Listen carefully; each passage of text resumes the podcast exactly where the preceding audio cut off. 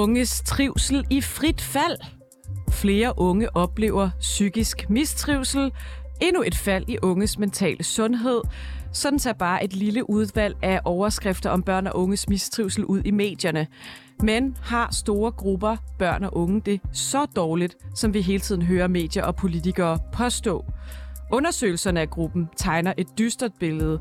Over 40 procent af piger på 19 år svarer selv i en stor undersøgelse fra VIVE, offentliggjort i går, at de har haft en psykisk lidelse. Men kan det virkelig passe, det er så mange? Vi er ved at tegne et meget dystert billede af en hel generation i mistrivsel, og det er altså hamrende forkert, mener professor og centerleder for ungdomsforskning Noemi Katznelson. Vi er røget derover, hvor der med den brede pensel er malet et billede af en hel generation i mistrivsel. Det, det er ikke bare forkert, det er også et dybt problematisk billede. Folk husker desværre kun de alarmistiske overskrifter, som er skabt i en tsunami, hvor medierne spiller en rolle, siger hun til politikken. Og så siger hun videre, at et langt overvejende del af de unge faktisk har det godt og trives. Forskerne bag øh, denne her nye rapport på det Nationale Forsknings- og Analysecenter for Velfærd, VIVE, mener, der er en risiko for, at de høje tal kan skyldes en selvforstærkende effekt på grund af det høje fokus på psykisk mistrivsel. Det er nemlig de unge selv, der svarer i rapporten, og det er altså ikke et tal på, hvor mange der rent faktisk har fået en klinisk diagnose. Så det er rigtig svært at konkludere entydigt på, hvorfor flere unge rapporterer en oplevet mistrivsel. Øhm, men der er ingen tvivl om, at der er en gruppe børn og unge, som har det ekstremt svært. Om det er halvdelen af de unge, eller børnene, som har det skidt, det er straks sværere at konkludere. Reporterne undersøger i dag, om det virkelig står så galt til, eller om vi er ved at stemple en hel generation som ulykkelig, selvom det bestemt ikke gælder alle.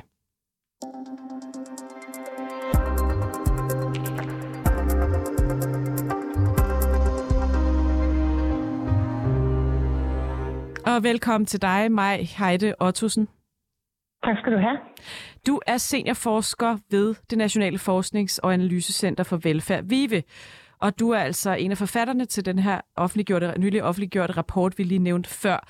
Og det viser en stor stigning øh, i unges øh, opfattelse af psykisk mistrivsel. Kan man entydigt sige mig, at danske børn og unge har, får det værre og værre? Øh, vi skal allerede lige have forbeholdene ind her gennem ja. det spørgsmål, fordi altså, øh, vi måler jo på, altså børne, børnene og, og de unge i undersøgelsen er repræsenteret ved de 3, 7, 11, 15 og 19 år. Fem aldersgrupper har vi med. Mm. Og når vi ser på de små børn og på de 11-årige, så kan vi i hvert fald ikke i vores rapport eller i vores undersøgelse finde belæg for, at der skulle være en udvikling i retning af stigende mistrivsel blandt dem generelt set. Så vores rapport handler særligt om de unge, når vi taler om psykisk mistrivsel, det vil sige de 15 og de 19-årige. Den anden ting, jeg godt vil sige, det er, som du allerede var inde på i oplægget her, ikke? at det er, at når vi ser på hele unge populationen under et, så har de fleste det faktisk meget godt. Synes du, at det er det billede, vi tegner i medierne, Nej, og, og i øvrigt politikerne tegner? Ja, det synes jeg, det kommer meget nemt til at blive, altså at, at, at, øhm, at det ligesom er et problemstilling, der gælder alle unge. Øh, det er ikke tilfældet. Men det, der er tilfældet, det er, at vi skal se, at på de spørgsmål, vi har målt jo over 12 år nu i, ved fire nedslagspunkter, der kan vi se, at der blandt de unge er en, øh, en stigende, altså de, de rapporterer stigende grad, at de har forskellige mistrivselsproblemer af den ene eller den anden art. Altså hvis jeg nu skal bare give nogle eksempler, mm. så er andelen af 19-årige piger, der rapporterer om lav livstilfredshed, den er steget fra 10 til 18 procent.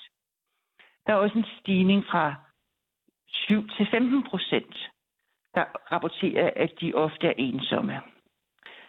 Øh, blandt de 15-årige, der kan vi også se en stigning på sådan et særskilt øh, og vældig godt måleinstrument, øh, der måler børns øh, og unges øh, hvad skal jeg sige, øh, adfærdsmæssige indadvendte og ud, udadvendte øh, adfærdsproblemer. Der kan vi også se, at der er en stigning blandt de 15-årige. Og jeg bliver lige nødt til at stoppe dig, fordi ellers når jeg ikke alle mine spørgsmål her. Jeg vil, jeg vil lige gøre færdig her også. At, altså, altså, og så har vi det, det problem, der også blev rejst, det der med, når de, når de unge rapporterer, at de har haft en psykisk lidelse. Ja, 40 procent. Altså, jeg, kan ikke, jeg, jeg bliver nødt til at spørge, altså, det er jo, det er jo, det er jo, det er jo en psykisk lidelse, der tænker jeg, det er en, en, en klinisk diagnostiseret depression, for eksempel. Det er skizofreni, det er bipolar lidelse. Ja. Øh, og det her er altså 40 procent af de 19-årige piger, der siger det her. Er det rigtigt? Altså, man må se. Altså, hvad skal jeg sige? Det er en fordobling, og det er et meget højt antal. Og vi ved jo dybest set ikke, hvad det dækker over. Vi kan i hvert fald vi kan sige, at det her tal er meget højere, end hvis man for eksempel går ind i landspatientregisteret og ser, hvor mange i samme aldersgruppe, der har fået en, en diagnose. Der, eller og det er vel ikke 40 procent, går jeg ud fra? Det, og det er ikke 40 procent, det er meget lavere. Men det kan jo være nogen, der har været til læge, deres almindelige praktiserende læge, og fået at vide, at de måske lider af har nogle depressive symptomer, eller noget angst, eller noget OCD, eller uden at de nødvendigvis, du ved, at det fører til en psykiatrisk behandling. Men det hvis man ikke engang kan konkludere, du ved, det er så entydigt, hvorfor laver man så overhovedet en undersøgelse, hvor man skal selvrapportere? Altså, hvad, hvad, hvad er det, jeg giver, er, er, er det et rigtigt parameter at måle ud fra?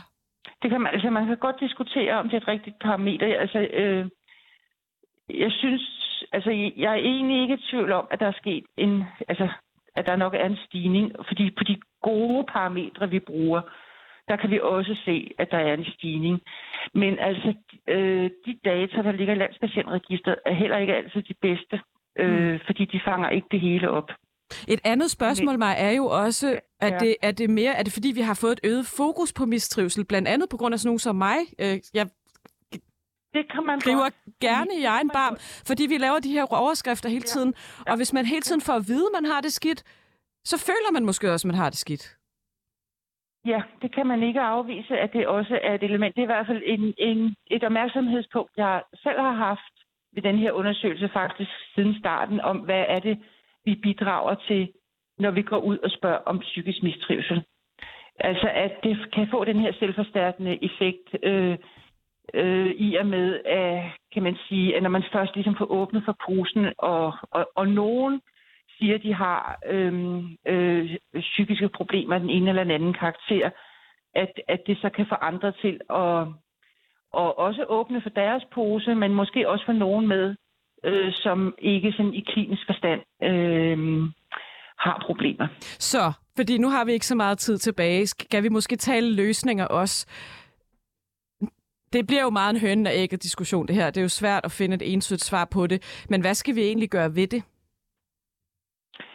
Altså, jeg tror, jeg vil sige, jeg kan jo kun tale for forskersiden, ikke? Ja. Altså, vi, vil, vi gør os så meget umage med at finde nogle gode mål for det her. Og kan man sige, de resultater, vi hæfter os ved også, kan man sige, hvis der er jo nogle parametre, der sådan så at sige er mere alvorlige øh, og, end, end andre. Og jeg synes jo må, måske nok, at man skal hæfte sig ved, ved, ved, ved de mål, man bruger, som, som har en lidt mere seriøs og alvorlig karakter. Og hvad synes du også, medier skal gøre, måske også politikerne? Øh, for nu, nu nævnte jeg nogle af de overskrifter øh, tidligere, hvor det næsten kan lyde som om, det er en helt generation, der er dybt øh, ulykkelig. Hvad, hvad ja, synes du, jeg sådan en som måske, mig skal gøre? hvad skal man sige, i stedet, altså der, det, det kører jo netop meget på overskrifterne, og jeg synes jo, det er vigtigt for eksempel det her, at vi siger, Jamen, det er ikke en problemstilling, vi finder i, i vores undersøgelse i hvert fald finder særlig, ud, i særlig udstrækning blandt børn, vel, men vi, vi skal over og ligesom bare afgrænse det til de unge, og så må vi gå ind og se på, hvad er det så for nogle måleinstrumenter, der er anvendt. Ikke? Øh, og, der, og der tror jeg også godt, måske at medierne og politikere for den sags skyld skal være sådan lidt mere præcise i tilgangen til, til, øhm, til, til, til det, der bliver sagt. Og nu bliver jeg nødt til at stoppe dig, for nu har jeg simpelthen fået øh, børns vilkår, Rasmus Kaldal, i studiet, så tak fordi du er med mig, Heide Ottosen. Du er altså seniorforsker ved det Nationale Forsknings- og Analysecenter for Velfærd i VIVE. Tak for det. Ja, så tak. Hej. Hej.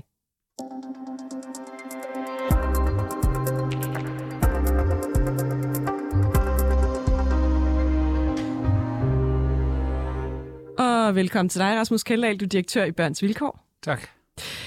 Efter udgivelsen af den her VIVE-rapport i går, der skrev du øh, på Twitter, stærkt bekymrende, at børns glæde ved at gå i skole falder og psykisk mistrivsel vokser.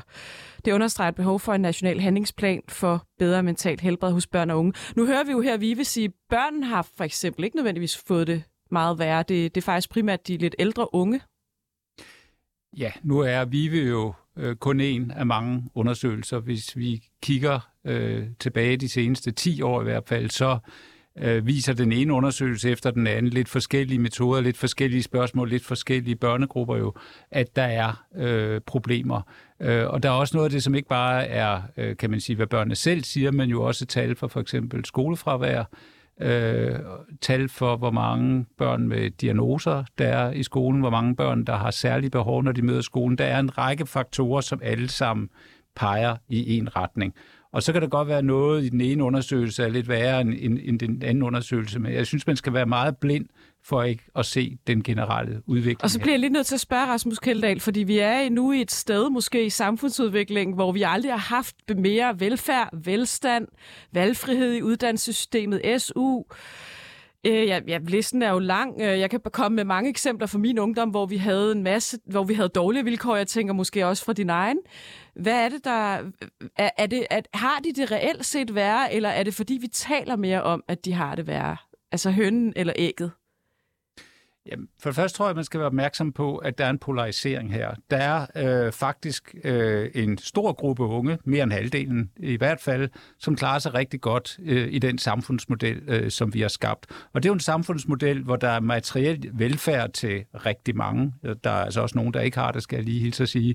Men der er mange, der har god materiel velfærd. Vi har ikke så mange problemer, som man så måske i 60'erne og 70'erne med folk, der led materiel nød, sultede og sådan noget, øh, også selvom inflation og sådan noget har gjort det værre her på det sidste. Men der er mange, der klarer sig godt. Men så er der altså også en voksne gruppe, og det er jo det, de her undersøgelser viser.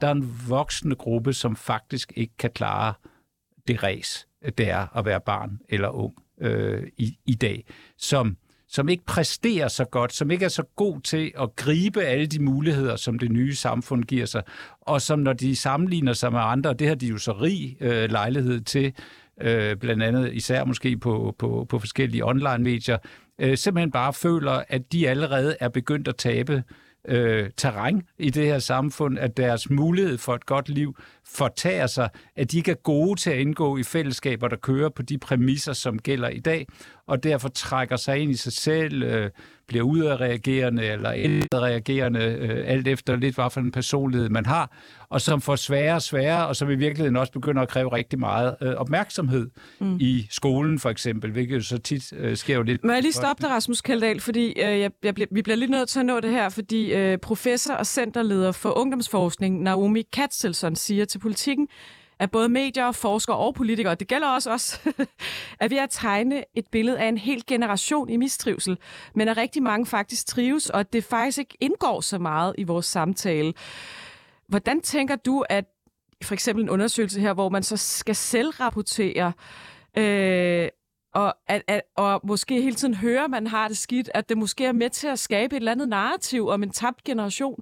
At det kan, det kan faktisk have en selvforstærkende effekt. Det kan faktisk blive, at, at fortællingen kan blive negativt forstærkende på en eller anden måde. Jeg, jeg kan sagtens forstå argumentet, men, men jeg vil sige, når man er i børns vilkår og hører på børnetelefonen i hundredvis af børn og unge, der ringer ind øh, hver, hver eneste dag, så må jeg sige, det vi er jo optaget af dem, der har det skidt. Og mange af dem har det altså rigtig skidt. Og jeg glæder mig da selvfølgelig med Naomi og med mange andre øh, forældre over alle dem, der har det godt og gode muligheder og måske har det bedste liv, man nogensinde har kunne have øh, som børn og unge. Min bekymring er, at der er altså bare en voksen gruppe, der ikke har det. Og det synes jeg, vi skal tale om. Vi skal ikke bortforklare det som, at det er nok bare noget, man sådan Jamen, vi negligerer jo ikke, at der er nogen, der har det svært, men det er mere, om der er en stigning. Altså, det er jo også det, vi Alle diskuterer med... viser, der er en stigning. Ja, men så diskuterer vi jo så her, om, om, det, om, man, om, man, om der er nogle metodiske problemer i nogle af de her undersøgelser. Det, så kan det, jeg ikke lade være med at spørge dig. Altså, jeg havde også nogle rigtig svære perioder som ung. Jeg har også gået til psykolog, ja. for eksempel. Ja. Øhm, men dengang, der talte man bare ikke så meget om det. Øh, der var heller ikke så mange, der gik til psykolog, fik diagnoser osv. Øhm, men det har vel altid været svært at være ung. Jeg synes også, det var svært at være ung. Er det ikke bare et spørgsmål om, der er øget fokus på det i dag? Jamen, det har jo altid været svært at være ung. Det er jo en af idéerne med at være ung, at man gennemgår nogle kriser og nogle udviklinger og finder ud af... Man, er det ikke meget naturligt? Det. Jo, ja. jo det, er, det er rigtig naturligt. Det her, de her undersøgelser viser, og jeg vil egentlig ikke stille så meget øh, øh, spørgsmål ved øh, metoderne, fordi de er faktisk blevet ret forfinet, og de er meget ensartede. Øh, den her fra Vive er en internationalt anerkendt metode, så vi kan både sammenligne over tid i Danmark, men vi kan sådan set også sammenligne øh, over øh, landegrænser. Og, og det er jo en, der spørger, det spørger ikke, hvordan, hvordan har du det? Har du det godt? Eller sådan noget. Det spørger meget konkret ind til for eksempel mistrivsel som symptomer på mm. ondt i maven, hovedpine, nogle andre fysiske symptomer. Så det er jo, det, det er jo disse konkrete udtryk for mistrivsel, som man måler, og som man kan se er i stigning, og hvor man kan se, har man et, to, tre, fire eller flere symptomer på mistrivsel, jamen så er man per definition mere udsat, end hvis man ikke har nogen. Men 40 procent af de 19-årige piger siger, at de har haft en psykisk lidelse. Det, det kan man jo ikke se i, i tallene på, hvor mange der får en diagnose, eller får udskrevet medicin. Eller... Det tal vil jeg faktisk også tillade mig at holde mig øh, tvivlende over for, og det springer lidt i øjnene med den her undersøgelse. Men der er rigtig mange andre tal, mm. øh, hvor man må sige, det, der er spurgt så konkret ind, at, at det kan man faktisk sammenligne over tid. Og vi er jo nødt til at tage det her alvorligt. Jeg tror, det vil være en stor... Altså, vi svigter øh, en gruppe, ikke alle, men en gruppe børn og unge, hvis vi ikke tager det her alvorligt.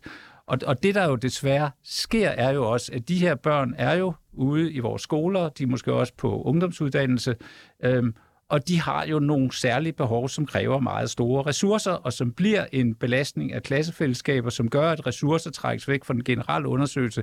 Så selvom vi snakker om det her norm, det er nok ikke så slemt, og det altid har været svært at være barn og sådan noget, så er den konkrete virkelighed ude i folkeskolen jo præget af den her udvikling. Der er jo ingen tvivl om, at der er en gruppe, der har det svært, så måske skal vi så slutte af også og snakke om løsninger. Nu skriver du en handlingsplan. Jeg synes, jeg synes måske tit, at, at når der er et problem, så vil man have en handlingsplan, men er det, er, er, det, er det ikke også et spørgsmål om, at vi måske har indrettet samfundet på en måde, der gør, der kan, kan være, det gør det svært at passe ind? Altså, jo. Hvad, øh, hvad, hvad gør en vi ved det? handlingsplan er jo en måde at ændre samfundet på. En handlingsplan er jo at gå ind og sige, hvad ved vi hjælper? Det er helt klart, at der er nogle af de her ting, vi ikke kan regulere særlig godt. Det er nogle globale trends, vi ser det også i andre lande, men nogle ting kan vi jo regulere. Og det kan man jo så sætte ind i en handlingsplan. Noget af det kan politikerne regulere øh, på Christiansborg, noget af det kan kommunerne regulere ved at prioritere anderledes i deres midler, og noget af det er det faktisk forældrene, som skal tage et ansvar i forhold til deres børn, og så skal vi måske uddanne og oplyse forældrene om for eksempel, øh, hvad der er klogt i forhold til børns skærmbrug, hvad der er klogt i forhold til forældrenes øh, skærmbrug. I hvert fald give dem den viden, som måske gør, at de træffer nogle klogere valg, øh, end de gør i dag. Men vi skal vel stoppe med at stemple en hel generation som ulykkelig? Ja, men det er den vel ikke? Nej, men det har jeg sådan set heller ikke set nogen gøre. Altså, vi følger selvfølgelig det her meget nøje. Øh, det er rigtigt, der er nogle overskrifter, Øh, det er jo også som, vores skyld. som, som, øh, som, som, som ligesom skal være øh, clickbait, eller hvad man kalder det i dag. Øh, og de afspejler ikke den virkelighed, der står i rapporterne. Men også der nærlæser rapporterne og gør det år efter år. Vi kan godt se trendsene. Os, der sidder ved børnetelefonen, og vi kan begynde at se ud af de opkald, der kommer, at den andel, der drejer sig om det, vi kan kalde psykisk mistrivsel. Den er vokset fra en sjettedel cirka, da jeg startede for omkring 10 år siden, til det nu i dag er over en fjerdedel på vej mod en tredjedel af alle opkald, der handler det her. Og samtidig er antallet af opkald altså gået voldsomt i vejret. Så, så, så, så det vil være øh, kan man sige, at sætte kiggeren for det blinde øje, ikke at anerkende udviklingen. Vi skal lige have en af de unge med, Rasmus Kjeldahl, det har vi nu. Det er dig, Madeleine Stenberg Williams fra Danske Gymnasieelevers Sammenslutning, hvor du er forkvind. Velkommen til. Tak. Det er jo selvfølgelig svært at sidde og diskutere videnskabelig metode. Det er jeg fuldstændig med på. Vi, der er ikke nogen af os, der er forskere. Øh, men, men lad mig så spørge dig som repræsentant for ungdommen. Øh, at, tro, synes du, føler du, det er blevet værre at være ung? Jeg tror, det er svært at sætte i perspektiv, fordi vores samfund ser helt anderledes ud i dag, end den gjorde dengang du eller Rasmus var ung. Fordi vi lever i en verden nu, hvor man har adgang og tilgængelighed til alle verdens historier bare på et klip på ens mobil. Og det betyder jo også, at det giver de unge en helt anden realitet og forståelse for, hvordan det er, verden ser ud. Og det tror jeg påvirker den enorme mistrivsel rigtig, rigtig meget. Fordi at her så har de unge adgang til at se alle de store kriser, der sker i verden, og det handler jo også om, at vi har en ungdomsgeneration, og unge generelt er bare som mennesker enormt empatiske. Og jo mere af de verdenskriser, der vi ser, desto mere har man Men... også lyst til at hjælpe. Madeleine, jeg voksede op med 11. september. Jeg voksede op med øh, vanvittige krige, og altså, alle generationer har jo haft kriser. Øh, er, er det virkelig øh, specielt meget værre for jeres? Og, og jeg skal lige sige en ting. Jeg er jo et 41, så jeg, hvad kan vi kalde mig i middelalderne? Jeg er ligesom en generation over dig, og jeg vil på ingen måde sidde og negligere, at jeg har problemer. Det er slet ikke det, det handler om. Det handler i virkeligheden om, at sådan nogen som mig er med til at stemple jeres generation som ulykkelig. At det er det, den her forsker er ude at sige. Det, det er ikke for mm. at negligere, at I har problemer i ungdommen. Det er slet ikke det, jeg snakker om. Jeg snakker om, at, at jeg er med til at stemple jer som en ulykkelig generation på en eller anden måde. Jeg forstår dig godt, og ja, altså hver generation har jo hver deres krise. Men jeg tror også bare, at vores generation har oplevet alle verdens krise. Ikke bare de interne kriser, eller de meget markante som 9-11, men alle verdens kriser, som det, der sker i Iran, i Ukraine, i mange af de afrikanske lande. Øh, man oplever det meget mere på en meget mere voldsom basis, end man gjorde før. Mm. Men jeg tror også, at undersøgelsen tager fat i noget helt rigtigt, nemlig den meget store psykologisering, der vi ser. Øh, og det har især været noget, som er kommet for politikerne, vil jeg mene.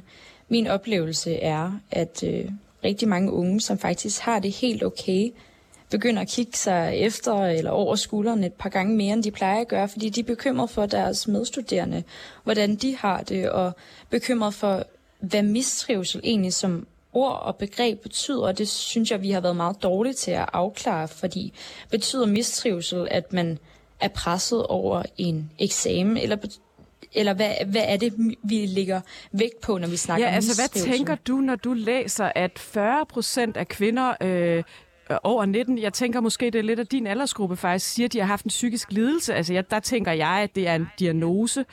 Øh, og det er ikke det, tallene viser. Altså, det er ikke, det er ikke så mange, der får en psyk, diagnose om psykisk lidelse. Men det er det, det, det, det, de selv svarer. Hvad tænker du, når du hører sådan et tal?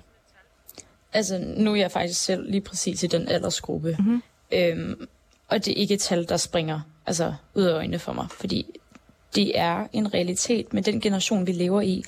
Og det stammer jo helt tilbage for de meget grundlæggende, den måde, vi har bygget vores samfund op på. Altså, vi lever stadig i et samfund, som oplever meget sexisme, øh, især over for de kvindelige øh, unge. Det ser vi meget på de sociale medier, hvor der bliver skabt nogle helt urealistiske skønhedsidealer for, hvordan det er, man ser ud, men også generelt alle de stereotyper, der bliver lagt ovenpå de unge kvinder, men også de unge drenge. Man hører jo altid, at jamen, drenge, de er bare drenge, og derfor skal de have tid og plads til at bare at bruge lidt ekstra tid på at lære det, hvorimod piger, jamen, de skal være dygtige til alt i alt i deres liv, men så på samme tidspunkt skal de også se sådan her og sådan her ud. Og det skaber jo en falsk realitet over for, hvordan de her piger, og det er også derfor, jeg tror, at deres tal ser så meget mere markante ud, fordi at de oplever nogle helt andre former for pres, end nogen dreng gør. Jeg vil så bare sige, at der var pænt meget sexisme i min opvækst. Det var ret vanvittigt. Men uh, Madeleine, altså det, det, det, der er lidt af diskussion i dag, det er også om, om hønnen eller ægget, om fortælling om, at man har det svært, også gør, at man får det sværere. Altså, at det påvirker en utrolig negativt. Men det, det tror jeg også, det gør men det kan også være på en god måde, fordi vi er blevet bedre til at snakke omkring, hvordan vi har det. Da jeg gik i folkeskolen, var det enormt tabubelagt, hvis man gik til psykolog. Hvorimod nu er det meget mere en almen ting, at vi er blevet bedre i vores samfund til at acceptere folk og ligestille, altså det psykiske og det fysiske helbred. Fordi det er meget, meget vigtigt, at vi ligestiller det. Og ja, der er en psykologisering, men jeg tror også, at vi nogle gange kan være for gode til at overreagere, hvor meget det er, at unge står for fald for sådan nogle ting. Og det, det, det, er jo en, det er jo et narrativ, vi alle sammen er med til at skabe. Altså, når vi hører, der faktisk er en stor gruppe, der trives, er det noget, du synes, vi hører specielt meget om? Ikke altid. Men det er fordi, at vi har en rigtig dårlig tendens i vores samfund til at sætte unge i en boble. Mm-hmm. Vi er vidt forskellige mennesker, ligesom jeg er voksne. Eller jeg vil nu også kategorisere mig selv som voksen.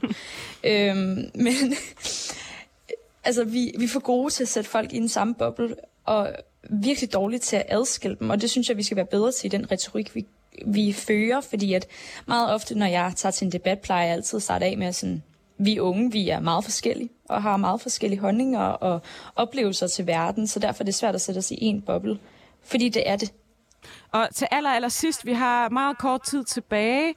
Øh, Madeleine Stenberg Williams, øh, Rasmus Kaldal her fra Børns Vilkår foreslår en national handlingsplan. Øh, bare hvis vi kort også skal snakke løsninger på det her. Hvad skal vi så gøre? Uh, du kan ikke nå en lang liste.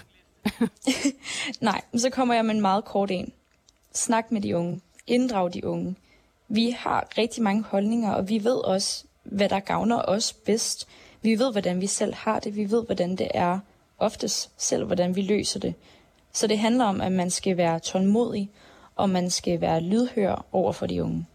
Tusind tak til dig, Madeleine Stenberg Williams. Du er forkvinde for Danske Gymnasieelevers Sammenslutning, og også til dig, Rasmus Kaldal, direktør for Børns Vilkår. Du nåede desværre ikke at få ordet igen, fordi vi skal til at slutte nu. Der er nemlig nyheder lige om lidt. Tak, fordi I lyttede med i reporterne i dag. Du har lyttet til reporterne på 24 /7. Hvis du kunne lide programmet, så gå ind og tryk abonner på din foretrukne podcasttjeneste, eller lyt med live mellem 15 og 16 på 24 /7. Tips kan altid sendes på reporternesnablag247.dk.